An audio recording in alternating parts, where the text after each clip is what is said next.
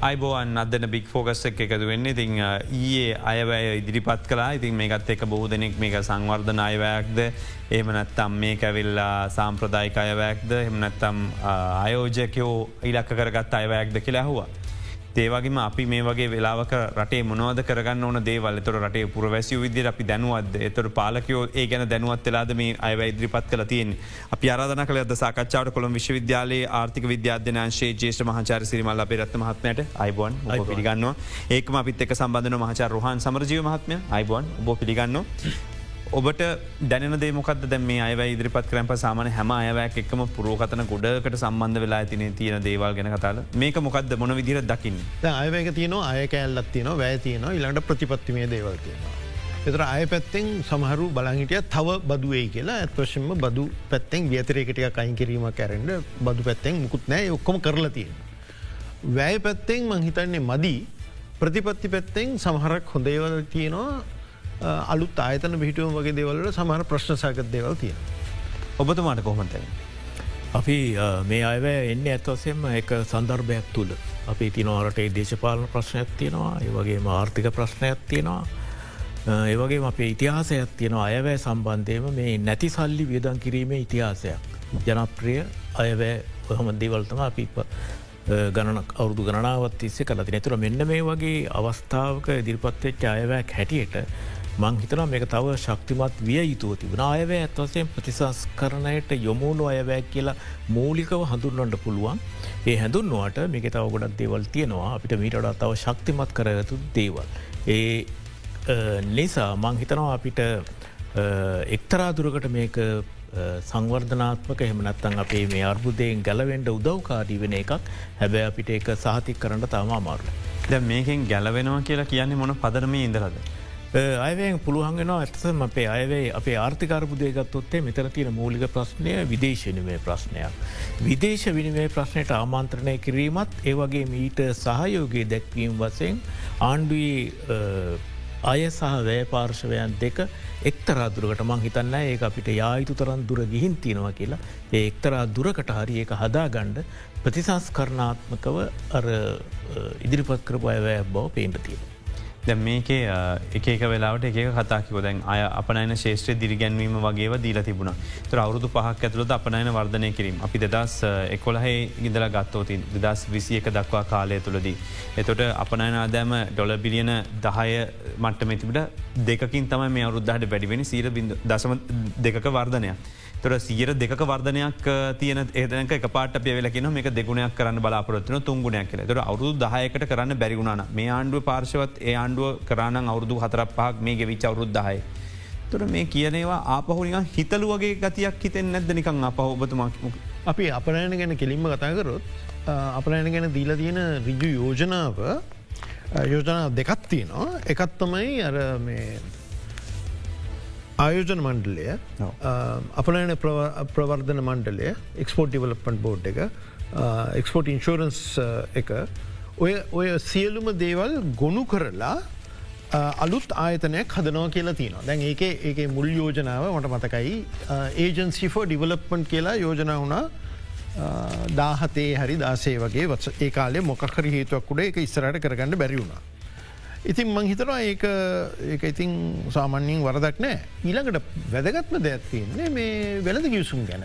ද මංහිතන්නේ ම මේ දෙරනෙත් මේ බාධවියදොට සභාගි වෙලා තියෙනවා.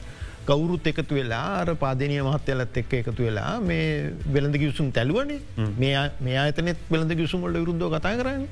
මේ නමුත් දැම් මේ තියන වෙළඳ ගියසුම් නැතුව බෑ කියලා. මොකද වෙළඳ ගියසුම් ගැන පුද්ගලිකන්සෙත් ඉල්ලනවා. අපනයනකරුවත් ඉල්ලනවා. මොකද ඒගොලට තේරෙනවා අපි අර එදවසල කිව්වදේ වියට්නාමයට මේ තරන් සාර්ථකව අපනෑන කරන්න පුළුවන් වුණේ ඒගොල්ලෝ බොහොම සාර්ථක ලෙස අපනන්න මේ වෙනද ගිසුන්ට ඇතුළත් වන නමුත් දැන් ඒ මේ ස්ථානයට පැමිණි දෙපලක් එකක් මේ සාකච්ඡාට එක්න කාචර නිශාන්ද මෙල් මහත්ම අනිත් එක්ෙන ආචර ප්‍රියග දුනුසිංහ මහත්මය. මේ සාකච්ඡාවද කියපු දේතමයි මේ වෙළඳ ගිවිසුම් පස්ස යන අපි සිංගපුර වෙළඳ ගිවිසුම අප ඉන්දයානු විල්ද ගිවිසුම. නමුත් වෙළඳ ගිවිසුමට මෙහා ලංකාව ඇතුළ කරගන්න ගොඩක් දේවල් තියනවා. නමුත් ඒ කෑල්ල හදාගන්න නැතු අපි ගිවිසුමින් හිතනවා මේ ඔක්කම හරිය කියලන ගිවිසුමින් කවදත් හරියන්නේ නෑ. හැබැයි එතනම ආශරත් තියනවා මං අතන ලංකාව ඇතුළේ කරන්න පුළුවන් දෙයක්. අපේ තියනෝ පැරටැරිෆ්ස් කියලා ජාතියක්. දැන් පැරටරිස් අපි ගත්තොත් දැ මේක සඳහන් කල තින ගලෝබල් වැලිය චේන්ස් ගැන. මහිතන්නේ නිසාන් ප්‍රියංක එකකොත් කතා කරන්න ඇත්තේ ගලෝබල් වැලිය චේන්ස් ගැන. දැන් උදාරය හැටියට මේ බාණ්ඩ ඇතුළට එනවා. ඊළඟට ඒවට අගේ එකතු කරල ඒවා පහු යනවා. ඒක තමයි අලුත් ක්‍රමි. ඉතින් පැරටරි් පෝට්ටන් එයාපෝට් ලිවී ඕවගේ දේවල් දැම්මහම ඔය වැඩේ මකල් වෙන දැන් පෝටන් එයාපෝට් ලෙවී එක අවුදු පහක් ඇතුළට අයින් කරනවා කියලා කියලා තියෙනවා. දැන් කියන විදිහට කරනවා නම් මන්නන් එකට බොහොම පක්ෂ. මංහිතනවා ලංකාව වගේ රටකට අපි දැන් අවුරුදු විසි පහක්කට වැඩි කාල තිස්සේ ප්‍රතිසංස් කරන කියන දේවල් අත්තරලදාපු රටක්. මේ ප්‍රතිසංස් කරන අත්තරලදාපු රටක් වසයෙන් අපිට වෙළඳ ගියවසුන් වලට ඔය කියනතරන් ලේසියෙන් යන්ට බෑ මොකද අපිට තියකට තියෙන ඒකෙන් අපිට ලැබෙන පීඩාව සහ වේදනාව ආර්ථික වසයෙන් ඉතා විශාලයි. එම අඩිත් එක අපි මේ යන්ඩ හදන්න ප්‍රතිසස් කරන කරමින් හිටපු රටවල්ලෙක්.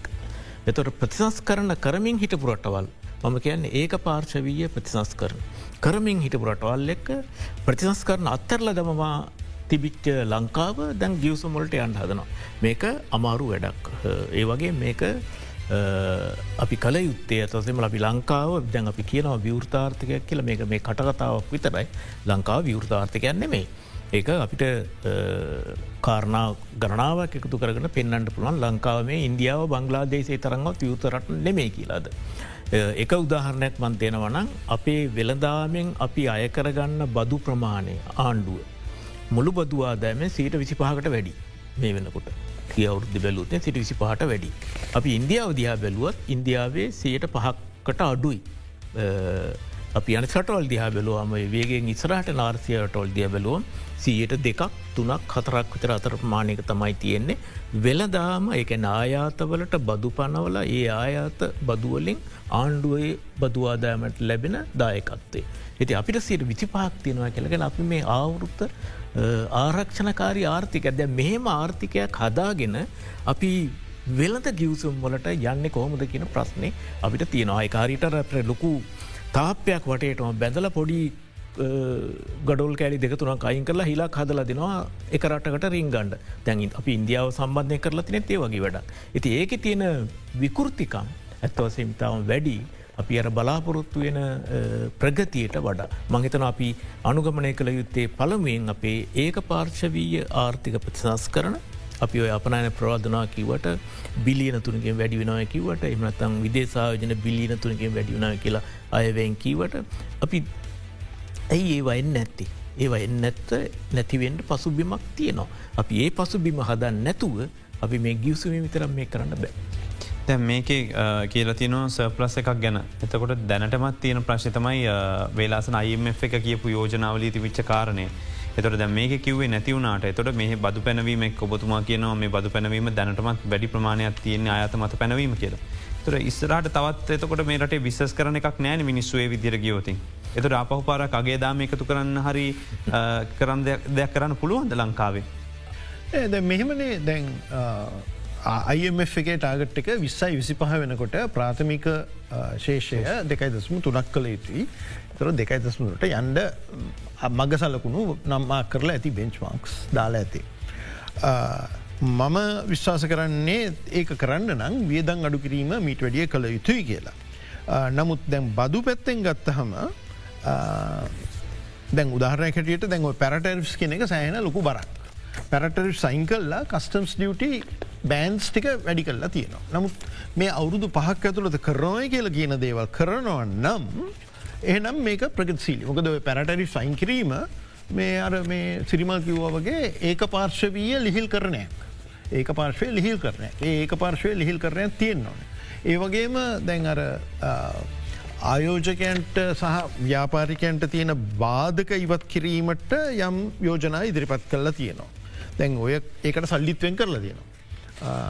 මේ ඔය ඒ තියෙන බාධක ඉඩං ගැනීම ඒ වගේ ප්‍රශ්න. දැන් ඒව කරගන්න පුළුවන්න අයිසරක් මෙ පොරොන්දුන සාමනෙන් අපේ අයවැවල තියෙන පොරොන්දු.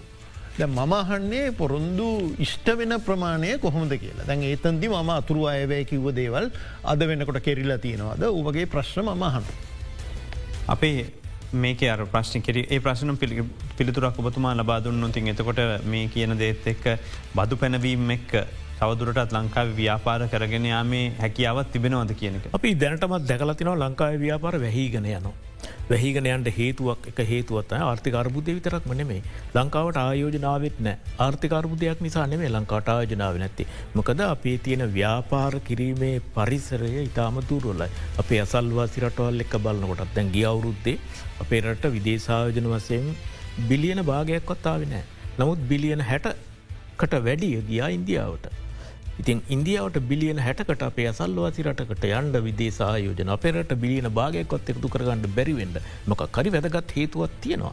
අන්නේ වැදගත් හේතුව ආමන්ත්‍රණය කරන්නේ නැතුව මේ ව්‍යාපාර ගොඩනගා ගැනීම සහ ඒ සම්බන්ධුව තියෙන අපනෑන ප්‍රවර්ධනය ආර්ථික වර්ධනය නග කර ගැනීමට මහිතන පිට මිටොඩ ලූ කැප කිරීමක් කරන්න වෙන. මම කෙටි ප්‍රශ් කීපකට යන්න මේ කරුණු වශයෙන් ගත්තයන් පස මොකද ගොඩක් කාරණ කිවොත් ඔබටත් මේ ප්‍රශ්ටේ ලිහිල් කරගන්න බැරිවෙන මුලින් මැහව වසර දහයක් තුළ අපනයන ආදායම අපනයන මගින් වාර්ෂික ඩොල බිලියන් තුනක ආදායම් වර්ධන ඉලක්කයකට යන්න පුළුවන්ද කියන ප්‍රශ්යකටියෙන් ඇහුවේ. තින් මේ ප්‍රයෝග ප්‍රශ්නයක් ඉදිරිට පසේ දැම් මේ ඩොල බිලියන තුනක වාර්ෂික රිජු විදේශායෝජන ඉලක්ක තස වසරක් පුරා සපුර ගැනීමට බලාපොරොත්තු වෙන කියලා සඳහන් වෙනවා. දැන් ගෙවිච් අවුරුද්ධ කිහිපය ගත්තෝතින් අපිට ෆොරින් ඩිරෙක් ඉන්වස්මට් ඇවිල්ලා නෑවගේ තිබුණත් මේ හයිසියක් විතර පෙන්වා ගිය අවුරුද්ධ මේ තියෙනවා කියලා. තින් එතකොට අපි මේක හැමදාම කියනවා ව්‍යාපාර හිතකර පරිසරයක් ගොඩනැගීම සඳහා කරුණු ගොහොමයක් තියන කරන්න කියලා. මේවටික කරන්නේ නැතුව මේ කෙටිකාලන ප්‍රතිසංස් කන කරන්න නැතුව මේක කරන්න පුළුවන්ද. ඇති පහුගේ අවුරුත්තුන ගත්තොත් ඉතින් අපට කියන්න පුළුවන්නේ එක ඇත්වශයෙන්ම ආයෝජන වලට සතුරු පරිසරයක් තිබ්බේ කොටින්ම ගොඩා බරාජපක්ෂ මහත්තය පත් කරපු හොඳ ආයෝජන මණ්ඩලේ සභාපති සහ ඒ නායකත්ේ ඒක ලොක්කො ඉල්ලස්සල ගිය මේ කරගන්න බෑ කියලා. ඉතිං අනිවාරයෙන් ඉටොඩ වෙනස් දේවල් කළ යුතුයි. වෙනස් දේවල් කළ යුතුයි. දැන් මටමතකයි මම තොරතුරු තාක්ෂණ නියෝජිතායතනය සභාපති හැටියට ඉන්නකොට විවිධ කමිටු තිබ්බා ඔය ඔය මේ ව්‍යාපාරිකයන්ට තියෙන බාධක ඉවත් කිරීමට සහයේ දර්ශකවලට දර්ශක යොමු කරගෙන ඉලක්ක කරගෙන. දැන් එවැනි කටයුත්තක් මේ අයවැ තියෙනවා දැන් ප්‍රශ්නය අයිසරක් මේකයි හරිදේවල් කිව්වට කරලා පෙන්න්නට ඕන දැන් ඉන්දියාව ඔය විදිහට මේ ඉහල තත්ත්වකට ගෙනාවේ විශේෂිත අවධානයක් යොමු කල්ලා ඒ විදේශය ආයෝජකයෝ බලන දර්ශක දියුණු කරගන්න කොහොමද කියලා තින් ඒදේ කරන්න ඕන එදවා කරලා ඒක සන්නිවේදනය කරන්න නිකං අයවය කිව පලිට ඕක වෙන්නේ නෑ. ඒකන්නේ අපි ව්‍යාපාර කිරීම සඳහා හිතකර පරිසරය කියන දර්ශක ඒ වගේ දේවල්වලදී. අපිට ගෙන්න්න සීයට පහලින් ගොඩක් දුරට එන්න ඕන කියලා කියන යෝජනා කරන එතර ගේනවන මොනොද කරන්න ඕන දේවල්. හෝ. අපිට මේකට ලොකුවට මහන්සෙන් අවශ්‍යන අපේ ව්‍යාපාරකින් එන්න ඇත්තේ මොකද කියන ප්‍රශ්නයට උත්තර දෙන්න අපි ජාත්‍යන්තුර තියෙන වාර්තා දැංගෝ ඉක්තින දර්ශක අරම් බැලවා අපිට සමාර්දවල හිතාගන්න පුළුවන් එකක් වැදගත් ඇත්තම හැමෝම කතා කරන රටේ ව්‍යාපාර කිරීමේ පහසුව කොයිතරන් තියෙනවද අපේ අසල්වාති රටවල් එක්ක මේ රටේ. ඇති ඒ ව්‍යාපාරි කිරීමේ පහසුව රඩුවම් බිස්නස් ඉන්ඩෙක්ස් කියන එක බැලවා. මේක තියෙන අංගෝපාංගටික බැලවා අපිට පේනවා ලංකාවේ තියෙන මේ අන්සමහිතන්නේ දහයක් දොළහත් තියෙනවා එක දර්ශකය හදන. ඒ දහයෙන් දොලායෙන් එකම එකයි තියෙන්නේ ඉතා හොඳට ලංකාවේ හොඳ තාමාන්‍ය හොඳ තත්වට තියෙන හැබැ එකක් තියන්නේ තමයි ව්‍යාපාරය ආරම්භ කිරීමේ තියෙන පහසු ඕන කෙනට ව්‍යාපාර පටන්ගන්නඩ ලොකු ප්‍රශ්නයන්න මේ රටේ වුණත් හැබැයි අනෙකුත් දේවල් සියලුම දේවල්ලුලින් අපි හුඟා පහල වැටලා තිය නති මේ කියන තත්ත්වය පරිසරය දියුණු කරන්න නැත්තං. අපිට ඔය කියන විදේශාවජන එන්න නෑ පලවිනි එක. දෙවැනි එක ඒවට අමතරෝතාව තියෙනවා අපිට ව්‍යාපාරිකින්ට අවශ්‍ය වෙනවා දකිින්ට මේ රටේ ඉදිරි අවුරුදු විසිපා පනාතුල මේක කොහෙද යන්න අපි මේ රට? කොහටද පෙන්න්න මේක? මොකද දේශපාලනික වසයෙන් ආර්ථිකපය වසයෙන් ප්‍රතිපත්තිම වසයෙන් මොන ඩිරෙක්ෂන් එක ද අපි ඉන්න කියන අපි දැන ගණ්ඩ අවශ්‍ය දැන් ඉන්දියාවේ ඒක තියෙනවා. ඉන්දියාව කොච්චර අවුල් සහගත වියවුල් සහගත ඩයිව සාර්ථිකයක් වුණාට ඉන්දියාවේ දර්ශනය දිකට තියෙනවා මේක මොනාණ්ඩුවත් මේ යන පාරය වෙනස්වෙන් නැහැ කියනක. වියට්නාමට ඒක තියෙනවා චීනට ඒක තියෙනවා. මේ ප්‍රජාතන්ත්‍රවාදේද කොමිනිස්ට ක්‍රමේද කියනකම නෙමේ මෙතන තියෙන ප්‍රශ්නය දැන් ලංකාවට එහෙම එකක් නෑ දෙදා සිසි පහේ ඉලෙක්ෂණ ගැනකොට මොකද වෙන්න කියන එක පිළිබඳව පොහෝ දෙනෙක් අපි ලංකාය මනස්තුගෙන් ඇහුවත් මේකට හරි උත්තරත් දෙන්න අමාරුයි. ඇති ඊළඟ අවුරුදු විසි පාන ඊළඟ අවුරුදු පහතුල්ල අපි කොහ දෙයන්න කෙනෙක පිළිබඳව පැහැදිල්නෑ. ඊළඟ කරුණ. අපිට අපේ තියෙනවා අපේ ප්‍රතිපත්ති පුරෝකතනය කර ගැනීම හැකියාවත් තියෙන් ඕන ආයෝජකීන්ට.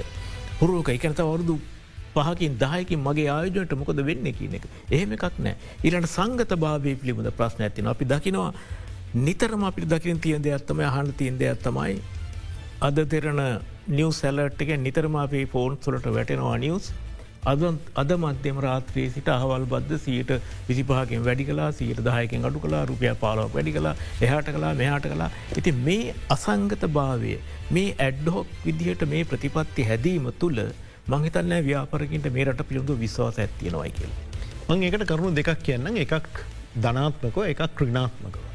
ධනාත්මකෝ තමයි මේ බදු ප්‍රතිපත්තිය ස්ථාවර බදු ප්‍රතිපත්තිය තිබිය යුතුයි කියන එක ඒක අවධාරණය කරලා තිනවා ප්‍රසිඩෙන්ශල් කමිෂණය පත් කරලා මහිතන ඒක පුළුවන්තරන් පුළුල්ල කරලා මේක පත් කරන්න යනක ආශරක්තින් ජනත්බිති කොමිෂන් ගැන අපේ වැඩි විශ්වාසයක් නෑ ඒක හොඳ පැත් නරක පැත්ත මං කියන්න ඉතාමත්ම කනගාට දායකදයක්.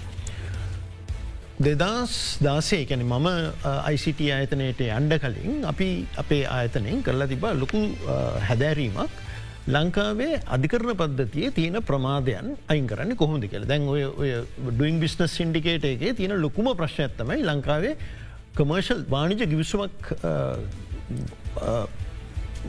එන්ෆෝස් කරගන්නට අවුරුත් දහතුනක් යන හරි? ඉතින් අපේ වැඩකටයුතු කරලා අපේ නීතිඥොත් එක් කතා කරලා ශ්‍රේෂ්ඨාතිකරණය අධික විනිශ්ෂූරුන්නේ කතා කල ඔක්කොම වැඩ කරලා තියනට ඔන්න අඩු මාරුණ. අලි සබ්‍රිය ඇමතිතුමා ඇවිල්ලා මේක වේගෙන් ඉස්සරට ගෙනනිච්ච ඔන්න ආණ්ඩු මාරුණා කියලා වැඩේ වැැවුණේ නෑ. මේ අවාසනාවට මේ පහුගේ දවස් පහ ඇතුළත ආණ්ඩුවට සල්ලි නෑ හිද මේක කරන්නේ නෑ කියලා ඔන්න පරිවිඩයක් කාව.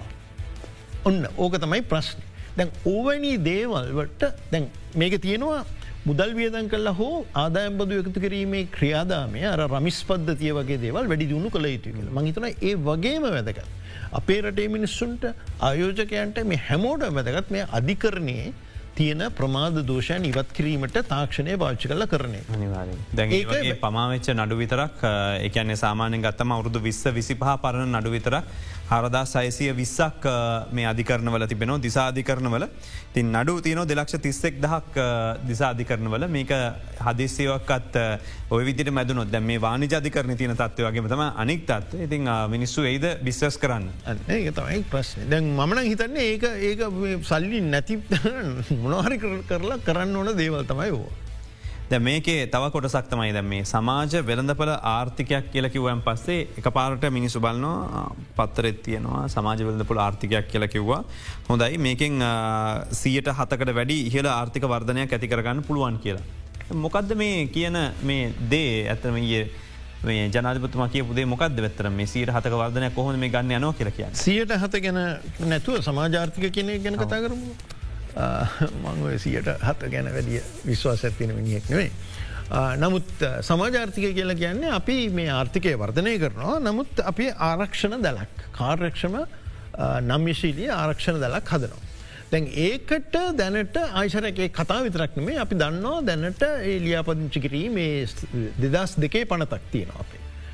වෙල්ෆෑ බෙනිෆිටස් බෝඩ් පනත කියලා. ඒක අකර්මණීව තිබුණු දෙයක්. ඒක ඒක අයිශරැක් දෙදස් දාසේ දාහත කාලේ ඒ දත්ත ගපඩාව හදන්ඩ අපි වැඩ කරා. නමුත් ඒක ඊට පස්සේ වහල දැම්ම. අවුරුදු දෙකක්. දැන් ඒක අයි ක්‍රියාත්මක වෙලා ඒ දත්ත කපඩාව දැන් සම්පූර්ණ කරන්න ගිල්ල තියෙන ලංකායි තියෙන සුපසාධන කරම හතලිස් ගානක්. ඒවා ගොුණු කරලා එකලා මේක තියෙනවා මේ මොහ වැදගත් දෙයක්තින මේක මේක කෙරුණොත්තන් අපේ කට්ටයට සෑහන ලොක වෙනසක් කෙනවා. මේ සියල්ලු ගෙවීම් විද්‍යුත් ක්‍රමවලින් කළ යුතුයි කියලති. සමාජ ආර්ථික පරිවතන සදා ඩිජිටල් තාක්ෂණය කියල කොට විද්‍යුත් ක්‍රමයෙන් කළ යුතුයි කියලා තින මේ ගෙවී. විද්‍යුත් ක්‍රමේ ගැන ගැනීම දැන්ව ෑන්කටම තමයි මේක පෙන්ෂන් එක වගේ ගිල්ල ඔය සමුෘධිකාරයාලේ කැරක් කැරකින් ඩෝන්න එතන ඉන්නේ නිලධාරයට උළුව නවාගෙන ඒව මේ ඕනෙ නෑ මේක ගෙලින්ම තමන්ගේ ගිනුවට එනවා. දැන් අපේ විශ්‍රම් වැටු කිවහම ඒක තියෙනවා පුරවාදර්ශ ශ්‍රම් වැට පේ විදිට තම එන්න. කෙනෙට පුළුවන් නගරයකින්න කෙනෙට ඒටම එකට ගිහිල්ල සල්ලිටික ගණ්ඩ තමන්ට පහසු වෙලාවට.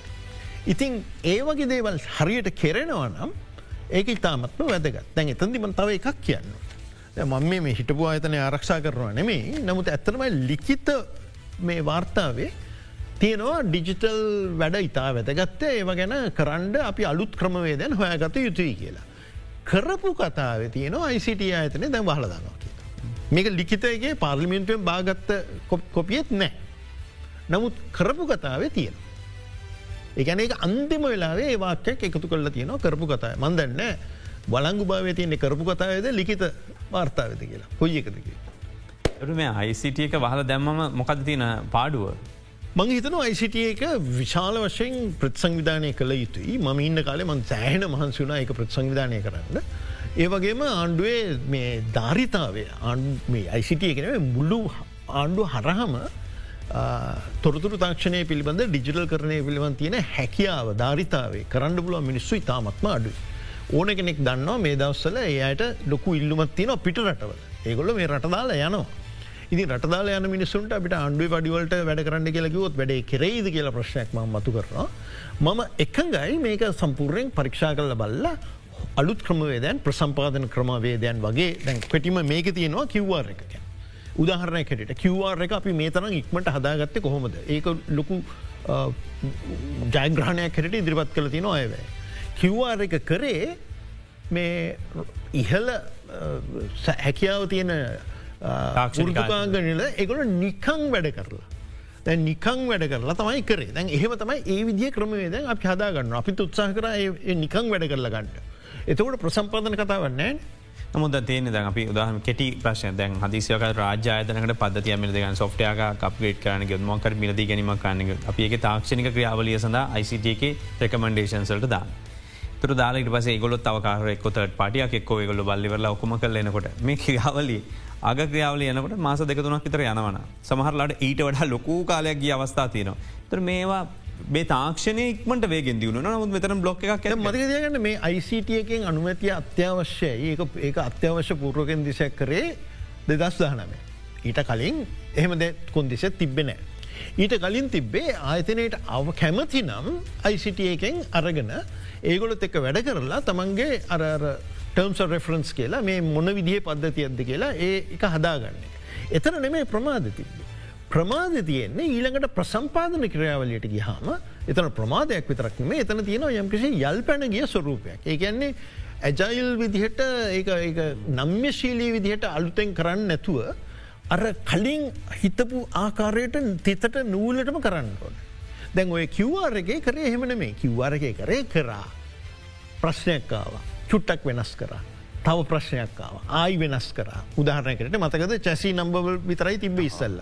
ඊළඟට බිස් රජිස්ට්‍රේෂණ එකට දුන්න. එහ මේම කරලා ඒක වෙනස් කරගෙන වෙනස් කරගෙන නම්ම ශීලී විස්රට ගෙනනිච ඕකතමයි කරන්නඩෝන. ඒක මේ අපේ සාම්ප්‍රදායක ප්‍රසම්පාදන ක්‍රියාවලියේ ටිකක් අමාරුයි බෑ කියනනේ මං කියන්න. ඒක ඇතුල්ට ඒක නම්ම ශීලියෝ අලුත් විදියට හදන්න ඕන. අන්න ඒක තමයි අප අවධානය දෙන්නට ඒක තියෙනවා ඒ තර අන්තිමට කියනවා අයිසිටියක වහලදාන ඇති අයිස්ටික හලදම පස්සේ වදන්න කොහොමද මේ ඒ තාක්ෂණික කටයුතු කරන්න ආණ්ඩුව.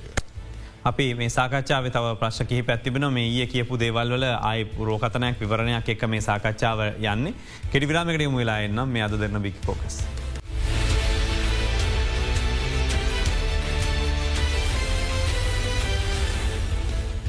යලිත බදන්න බික් ෆෝග සමග එකතු වෙලා ඉන්න අපි කතා කරන්න මේ අයවැය ලේක නිද්‍රිපත් කරපු දේවල් පිළිබඳව මේක එකක් කියන මේ ශ්‍රී ලංකාන් ශ්‍රී ලංකන් ටෙලිකොම් හිල්ටන් වෝටසේ ශ්‍රී ලංකා ඉන්ශරන්ස් ප්‍රතිවියහ ගත කරනවා කියලා.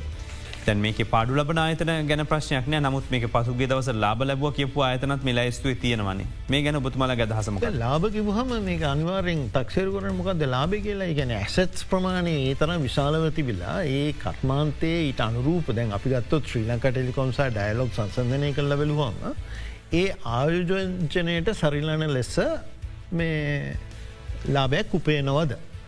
අනිත්තක ශ්‍රී ලංකන් ටෙලිකොම් කියන විශාල සමාගමක්. ඒක දැනටත් හතලි සතරක් විදේශ ආයෝජකෙක්ට සතුයි මැක්සිස් සමාගමට. මගමන හිතන්නේ තව දහයක් විතර එක්කෝ ඒ සමාගමට නැත්තං වෙනත් පුද්ගලික ආයෝජනයට දීලා මේක අපි කළ යුත්තේ ඒක කළමනාකාරිත්වය මේ දේශවාල ඇගිලි ගැහිම්වලින් ඉවත් කිරීම. තැන් දේශවල් ඇගිලි ගැහිම්වල ස්වරූපය ගැන කියන්න වෙන උදාහරණයක වශනෑ දෙදස් පහලෝ දෙදස් දානමය කාලේ හිටිය සභාපති කෙනෙක් එයට තිබේ ඇත්දකින් දැව සංස්ථාවේ මොකක්ද ගණකාධිකාරිවරයෙක් වගේ රැස්ව එකක් කල්ලා යට තිබ සුත්සුකම ජනපත්තුමාගේ සහෝදරය. එහෙම නෙමේ මේව කරන්න තිය. ඒ ඒක කරන්ඩ ඒකට ඒකට දැන් අපි ගත්තොත් ශ්‍රී ලංකන් ශ්‍රී ලංක ටෙලිකෝම් එක අතීතය පුද්ගලී කරණය කරපු කාලේ සියට තිස්පහයි දැන්තිනට වඩ අඩු ප්‍රමාණයක් තමයි විදේශාජකයට තිබ්බේ.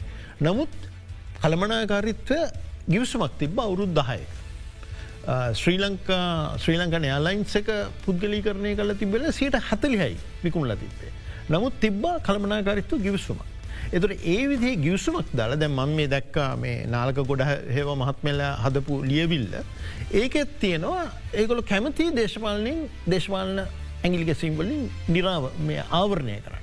එනම් ඒකට කරන්න තියන්නේ ඔන්න ඔය වැඩේ තමයි කැන සීට පහට හට ගෙනනිච්චයින් පස්සේ ආණ්ඩුවට හැකියාවක් ලබෙන්නේ නෑ සභාපති පත් කරලා දේශපාලන ගිලි ගැහිම් කරන්න.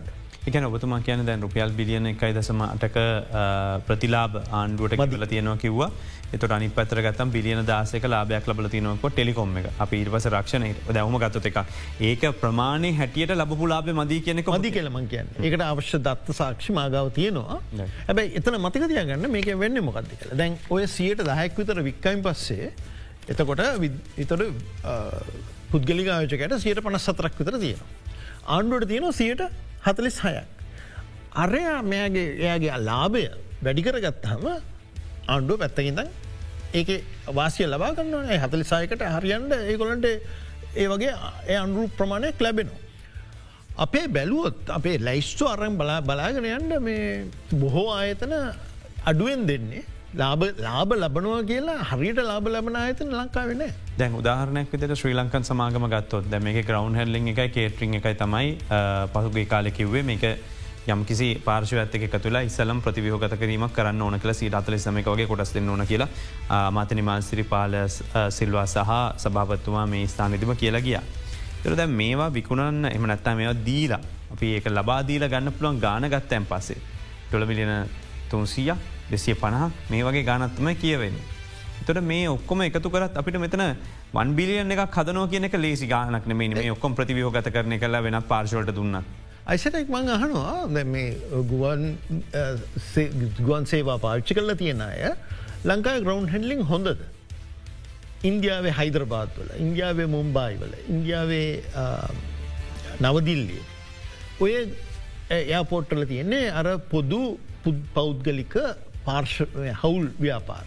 ඒවා පුද්ගලිකන්සයෙන් කරන්න.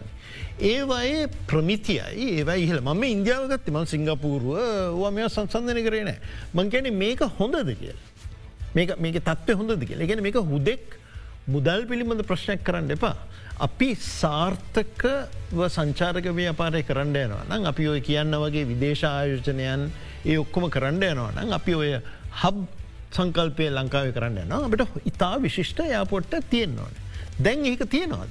නෑනේ රාජාතනය තියගෙන ඒක මහ ජරා ගොඩක් හැටිනි කරන්න අපිතිෝක යනවන යන්ඩෙන්ඩ වෙන විකල්පය නැති නිසා ඒකාධිකාරය නිසා. හරි.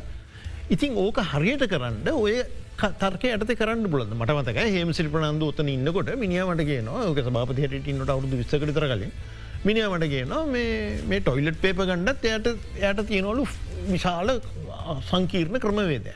හරි. ඉතින් එහෙම නැතුව නම්්‍යශීලීව නවීන විදිහට ගුවන්තොටවල දියුණු කරනවන අනිවාර්යෙන් අපි ආයුතුයි පෞද්ගලික පෞද්ගලි ප්‍රවේශයකට ග්‍රවන්් හැඩලි. කල්පනගල වලට ආහාර ප්‍රශ්නගෙන ද මේවා වෙනස් බිස්නසස්. තිලාන් විජසිංහ යටතේ පහුගිය කාලේ ඒ හැදෑරීමක් කරලා මේවා වෙනස් විදිිය බිස්නසස් මේවයි වැලුවේෂන්ස් වෙනස් මේ එක ගොඩේ තියාගෙනින්ද හේතුවක් නෑ. ඒව ලාබලබන බව ඇත්ත නමුත් එක ලාබ තවත්ල බණ්ඩ පුළුවන් මොකද සියලූම ගුවන් සේවාවන්. දැන් සහරක්වලට අපේ ෆ්ලයිට්සෙනවා යන ගමනටයි එන ගමනටයි දෙකටම කෑමර්රක. මෙහෙන් යන ගමනට එන ගමනටයි දෙකම අරන් යන්නේ ශ්‍රී ලංකන්න එක විතරයි. නවත් ඒ විශ්නස් එක අපිට කරන්න පුළුවන්නම් තර්ගකාර විදිහයට අනිත්තැන්වල ඒ ආහාර සපයන සමාගම්ම එක්. එහෙනම් ඊටත් වැඩි ආදායම් ලබාගන්න පුළුව. එතර ඒක කරන්න මේ දෙක වෙන් කරන එක හරි. වෙන් කරා කියල ගැන ප්‍රතිවය ගත කිරීම. ප්‍රතිවය ගත කරා කියල ගැන සීටසෙක් විකිනීමක් නෙමේ. හරි ඒක පොද්දු පෞද්ගලික හවුල් ව්‍යාපාරක් හැට පවත්තගෙන යන්න පුළුව. ඒක දහස මොකක්ද මේ ගැන. මංහිතන ආණ්ඩුව ව්‍යාපාර කිරීමෙන් අයින් වෙන්ඩ ඕන කියන එක මගේ මතේ. මොකද ආණ්ඩුව අපේ රට ඉතිහාසේ පුරාම අපි දැකලතිනවා ව්‍යාපාර කරලා අපේ ජනතාව ණයවලට යොමු කිරීම මිසා. ඉතිරින් එහට අපේ වගේ ලොකු ඉන්පරෝමන්ට් එකක් වැඩි දිනු කිරීමක් කරගෙන නෑ හින්ද ආණ්ඩුවට මංහිතන ලංකාව ඉතාමත්ම හොඳ උදාහරණ ඇත්තමයි ආන් ලංකාවෙන් සැපෙන්නේ ආණ්ඩුවට ව්‍යාපාර කරන්න බැහැයි කියනකට. එකට. හේතුව පලවෙනිම හේතුව තම ඇත්වසෙම අපේ රටේ ආණ්ඩු නිතර නිත වෙනස්සෙනවා ආණ්ඩුවලින්න මැති ඇමතුරු ජනාධිපතිවරු නායකව වෙනස් වෙනවා. ඒ වෙනස්වීමත් එක් මේවට තියෙන ඉන්ටෆියරන්ස් එක මැදිහත්වීම අනවශ්‍ය මැදිහත්වීම වෙනස් වෙලා එක විදිටය වෙනස්සෙන්ට පුළන් අපිට සමට අද ලාබ ලැබුවයි කියන එක මේ තින තත්වයන් තුළ ලාබල බණ්ඩ පුළුවන්. හැබ ඒකෙන් අදස් එන්නෑ මේක තමයි තියෙන හොඳම කාර්යක්ෂමන් තත්වය කියලා. නමුත් ඒ ඒ තත්වය වනත් වෙනස්සෙන්ට පුළන් ඊලා ඉල්ලක්ෂණ එක වුණට පස්සේ. ඉති එනිසා මේ වගේ මේ අස්ථාවර ක්‍රමයක් තුළ මේ රටේ මේ ව්‍යාපාර ආණ්ඩුවෙන් කරන්න බෑ. සමාරු මේකට ම මෙහම කිවවාම කියනවා සිංගප්පූර එහෙම කරනවනේ චීන එහෙම කරනවන කියලා. ඉති ම කියනවා ඇති ලංකාවේ සිංගප්පුරු වගේ නායක කමනතන් චීනය වගේ නායකේ කම්භ කරගත්ත හදාගත දවසට අපිට පුළුවන් ඒ වගේ ආණ්ඩුවක් හදාගත්තාම යත් ඒ වගේ ආකෘතිකට යන්න පුළන්.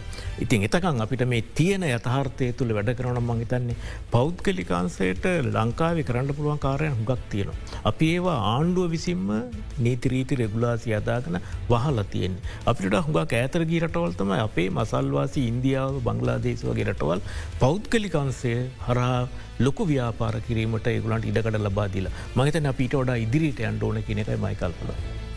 අපිට දෙන්න යළිත් විරාමිකට යොමු වෙලායි නවස්ථාවක් මේ අද දෙරන බික් ෆෝකස්.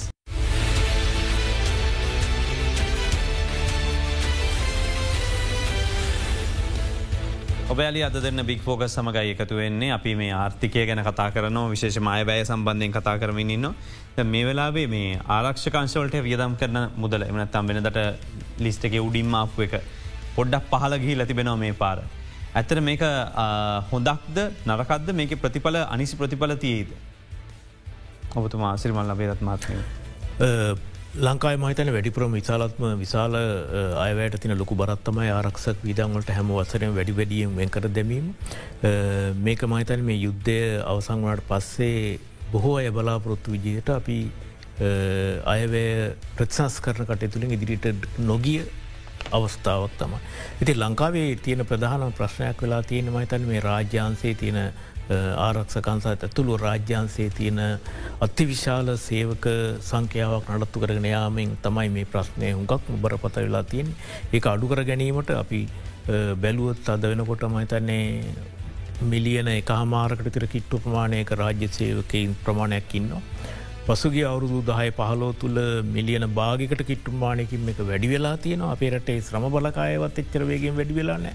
ඇති මේ වගේ තත්ව ඇතුළ මහිතන්නේ මේ හුඟක් තැන්වල ආරක්ෂකන්සුල ඉතරන්නේ මේ අපේ රාජ්‍යන්සේ කොතනත් මේ සේවක සංඛ්‍යාව අඩුවීතුයි ඒකෙන් අදහස් කරන්න එකගුළු සේවා වියුක්ත වෙතු කියන එක.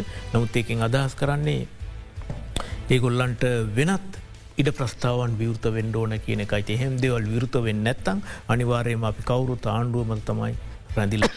ඉති මේ තත්ත්වය අපේ තින ආර්ථික ආර්ථික අර්බුදයම කොටසක් විදිරතයි මට දකිින්ට තියෙනෙ. අපි අයවැය ප්‍රශ්නය හරියට හදාගන්න ඕනම් මේ ප්‍රශ්නයත් ආමන්ත්‍රණය කළ යුතු වැදගත් ප්‍රශ්නයක් වෙන. මාජා රෝහන් සමරජය මාත්මයා පොලිසියේ පුරප ඉන්න පරිසාධන මට මේ නැහැ කියලා හාරදහක් ගෙදර යවනවා කියලා.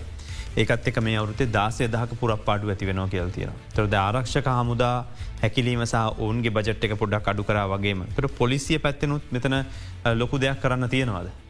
පොලිසිය පැත්තෙන්නම් කරන්න තම ලේසි තා වැදගත් දෙයක් තියෙනවා මේ ඔය අසුවට දාහෙන් අසුවට දා හෝ එයට ආසන්න සංස්ව පාසුවට ඕ. හතලි සතරදහක් ඉන්න ප්‍රභූ ආරක්ෂ සේවය කියලා මමන මේ කිව්වේ සරත්වීරසයකර ඇමැත්තුමා ඒ දුරේඉන්නකොට එයා පාර්ලිමින්තුයකව හතලි සතරදාහකින්න ප්‍රභූ ආරක්ෂක. තැ මම අහනවා ඇයි හතලිස් හතරදාහක් ඔය ප්‍රභූ ආරක්ෂ සේවේ ඉන්නේ. මොකද මේ ඉන්නවන්ත්‍රී ලට නෙමේ මේ මන්ත්‍රීකම අතෑරිච්ච මිනිස්සුන්ටත් ප්‍රභූ ආරක්ෂාව දෙන පාටක් තමයි අපට පේන්න මේ මෑත කාලය ලැබුණු ප්‍රෘතිවලේ. එතකොට ඒ අයව අයින් කරලා ඒ අයව අපහු සාමාන්‍ය පොලිස්සේවට යෙදෙව් හම ඔය පුරප්පාඩු ප්‍රශ්යෙන් හොඳට පොලිස්සේවය කරගන්න පුළුවන් ජනතාවට ආරක්ෂාව සපයන්. නැත්තම් මෙතන මේ බිලියන බිලියන එකසිය දාසයක් වෙන් කල්ල තියනවා මේ මහජනාර පොලිසිට විතර අමාත්‍යන්සට තැක්තුව බිලියන එකසේ විසිනම ඇත්තිී. ඉතින් ඒක මහිතන්නේ අනිවාරයෙන් පාලනය කර ගත යුතු හෙමත් ප්‍රශ් තියෙනවන දැන්ඔය හමුදාවෙන් යන කට්ටඉන්නවන්. හමුදාව අවුරු දහටකට පස්සේ විශ්‍රාමයන්ට පුළුවන් කියලා වෙනත් කටයුතු ලේ දෙන්න පුළුවන් කියල කියන කට්ටේ අනිවාර්යෙන් පොලිසිට සම්බන්ධ කරගන්න පුල සහ මේ හතලි සතරදා ඉන්නවා කියර මහිතන ගියවුරුද්ධ තම මේක කිව්වේ පාර්ලිමෙන්තුවේ කියපු අවස්ථාව කිව්වා ඒ පොලිසිය යොදනුවනට සිවිල් ආරක්ෂක බලකායේ නිලධාරි අවශන යොදවන්න පුළුවන් කළේ අවශ්‍ය ප්‍රමාණයට. අවශනම් පොලිසිේ වැඩ කරන රාජකාරි කරන කට නත ඔබතුමා කියනගේ හදලි සතරදාහම භාගයකට වැඩියෙන් ගන්න පුළන් පොලිස් ස්ථානවලට අනයුක්ත කල්ලා සේවා ඒ විතරකුත්න්නේ මන්න හිතන්නේ දැන් ඇතනම ජනතාව සෑහෙන පීටනය ඇතතින් ඉන්නේ. කැන්නේ ආදායම් ප්‍රශ්න උද්ධමනය බදු වැඩි වෙලා ඒක යටතේ ඉන්නකොට අපිට ඇස්තකට පේනවනම් මේ මැතියමතිවරු තනියම යනවා. බැකප් විහිකල් නැතුව බැකප් අහෝසි කරල දාන මොනට දෙක. ඒ හමුදාවල් යනකොට කාමරයකට එනකොට තම දහදනෙක් විතර හිටගෙන ඉන්නවා පැත්තක. ඒවන් අයින් කල්ලදා. අර මෙල්ලඟදි කතා කල තිබේ මෛත්‍ර වික්‍රසිංහ මත්මය මේ යාපනයට ගියා කෝච්චේ කවුරුත් කිසි පිරිවරක් නැතුව කියලා. අන්න ඒ දර්ශනය යටතේ අපි වැඩ කරු. එතකොට මහිතන්නේ අපිට මේ වේදනාව මත වසේතයන්න මේ තිත්ත වෙහෙත් බොන අපි. අපිත් බොන්්ඩෝන ඇමැතියම තුරුත් බොන්්ඩෝන. ඒ බොනොයි කියනේ සාධකය අපිට එන්නේ පොලිසිය සහ හමුදාව ප්‍රත්සංස් කරණය කිරීම. අපිට තව ප්‍රශ්න තියන අහන්න මොකද කෙටිකෙටි වශයෙන් මේ දුෂ්කර පාසලට හත් දෘතියක පාසල්වලට අන්තර්ජාල පහසුකම් ලබාදීම සම්බන්ධය වූ යෝජනාවක් කතා කලා. හැබැයි තවමත් බැරිවෙලා තිබෙනවා මේ අවශ්‍ය කරන ස්ථානවලින් භාගිකට වක්කත් එක ගෙනින්ද. මගේ ම ප්‍රශ්නයක් විදර යන ඕක ප්‍රයෝගිකෝ කරන්න පුළුවන්ද. අමාරුවේ අමාර.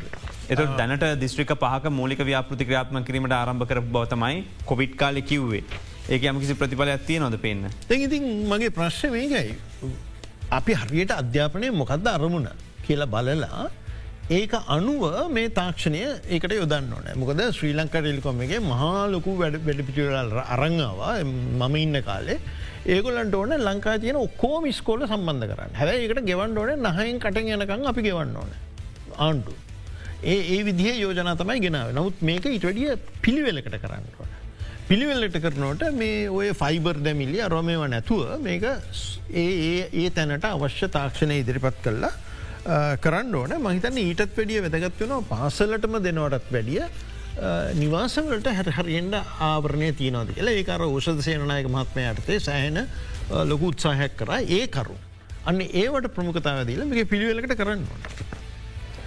අධ්‍යාපනය පිළිබඳ විශේ අවධාන ඇතියෙන අයවේ නමුත් මන් කැමති කියන්ට මේ අපි දැකලා තියෙන් දේවල් ඔයි වගේ මේ සාම්ප්‍රදායිකව කරගනාපු දේවල්තම හැමතනකම පාසල් අධ්‍යාපනය උසස් අධ්‍යාපනයක් දෙකම දැක්කාම අපිට දකින්න තියෙන් විශ්වවිද්‍යාල අතරින්ට යනවා ළමයින්ට ඉන්ටනෙට් පාසුකන්තෙන්ට යනවා. ඒවගේම තව තව ආයතන හදන්නවා ශිෂ්‍යෝ වැඩියෙන් ගණඩනවා නවත් මෙතනතර උඩින් පැලස්තර දැමීමක් හැරුණුකොට මේක මීටඩා ගැඹුරට ගිය දෙයක් විදිහට මංතන මේක පිසස් කරනට ලක් කරලා නැහැකිනකයි මගේ දස්. අපි මේ සාකච්ඡාවද ගොඩනැගුවේ විශේෂ මයවැත් සම්බන්ධ කරගෙන මේ තියෙන ප්‍රශ්න ගෙන අහන්න කෙරි ප්‍රශ්ටික් මගරන මහිතන නමුත් ගොඩක් ශේෂ්ට ගෙන ආවරණය කරගන්න අපිට පුළුවන් අපිත් එකතුන දවසේ මහචාර රහන් සමරජය මහත්ම බොහම සූති ඒවගේ කොළ විශ්වවිද්‍යාල ආර්ථික විද්‍යාධනාශ ජේෂ්ට මහචාර සිරිම ලබේරත් මහත්ම බොම සුති වැඩසටාන අවසන් කරනවා. මේ අද දෙරන බික් ෆෝකස්.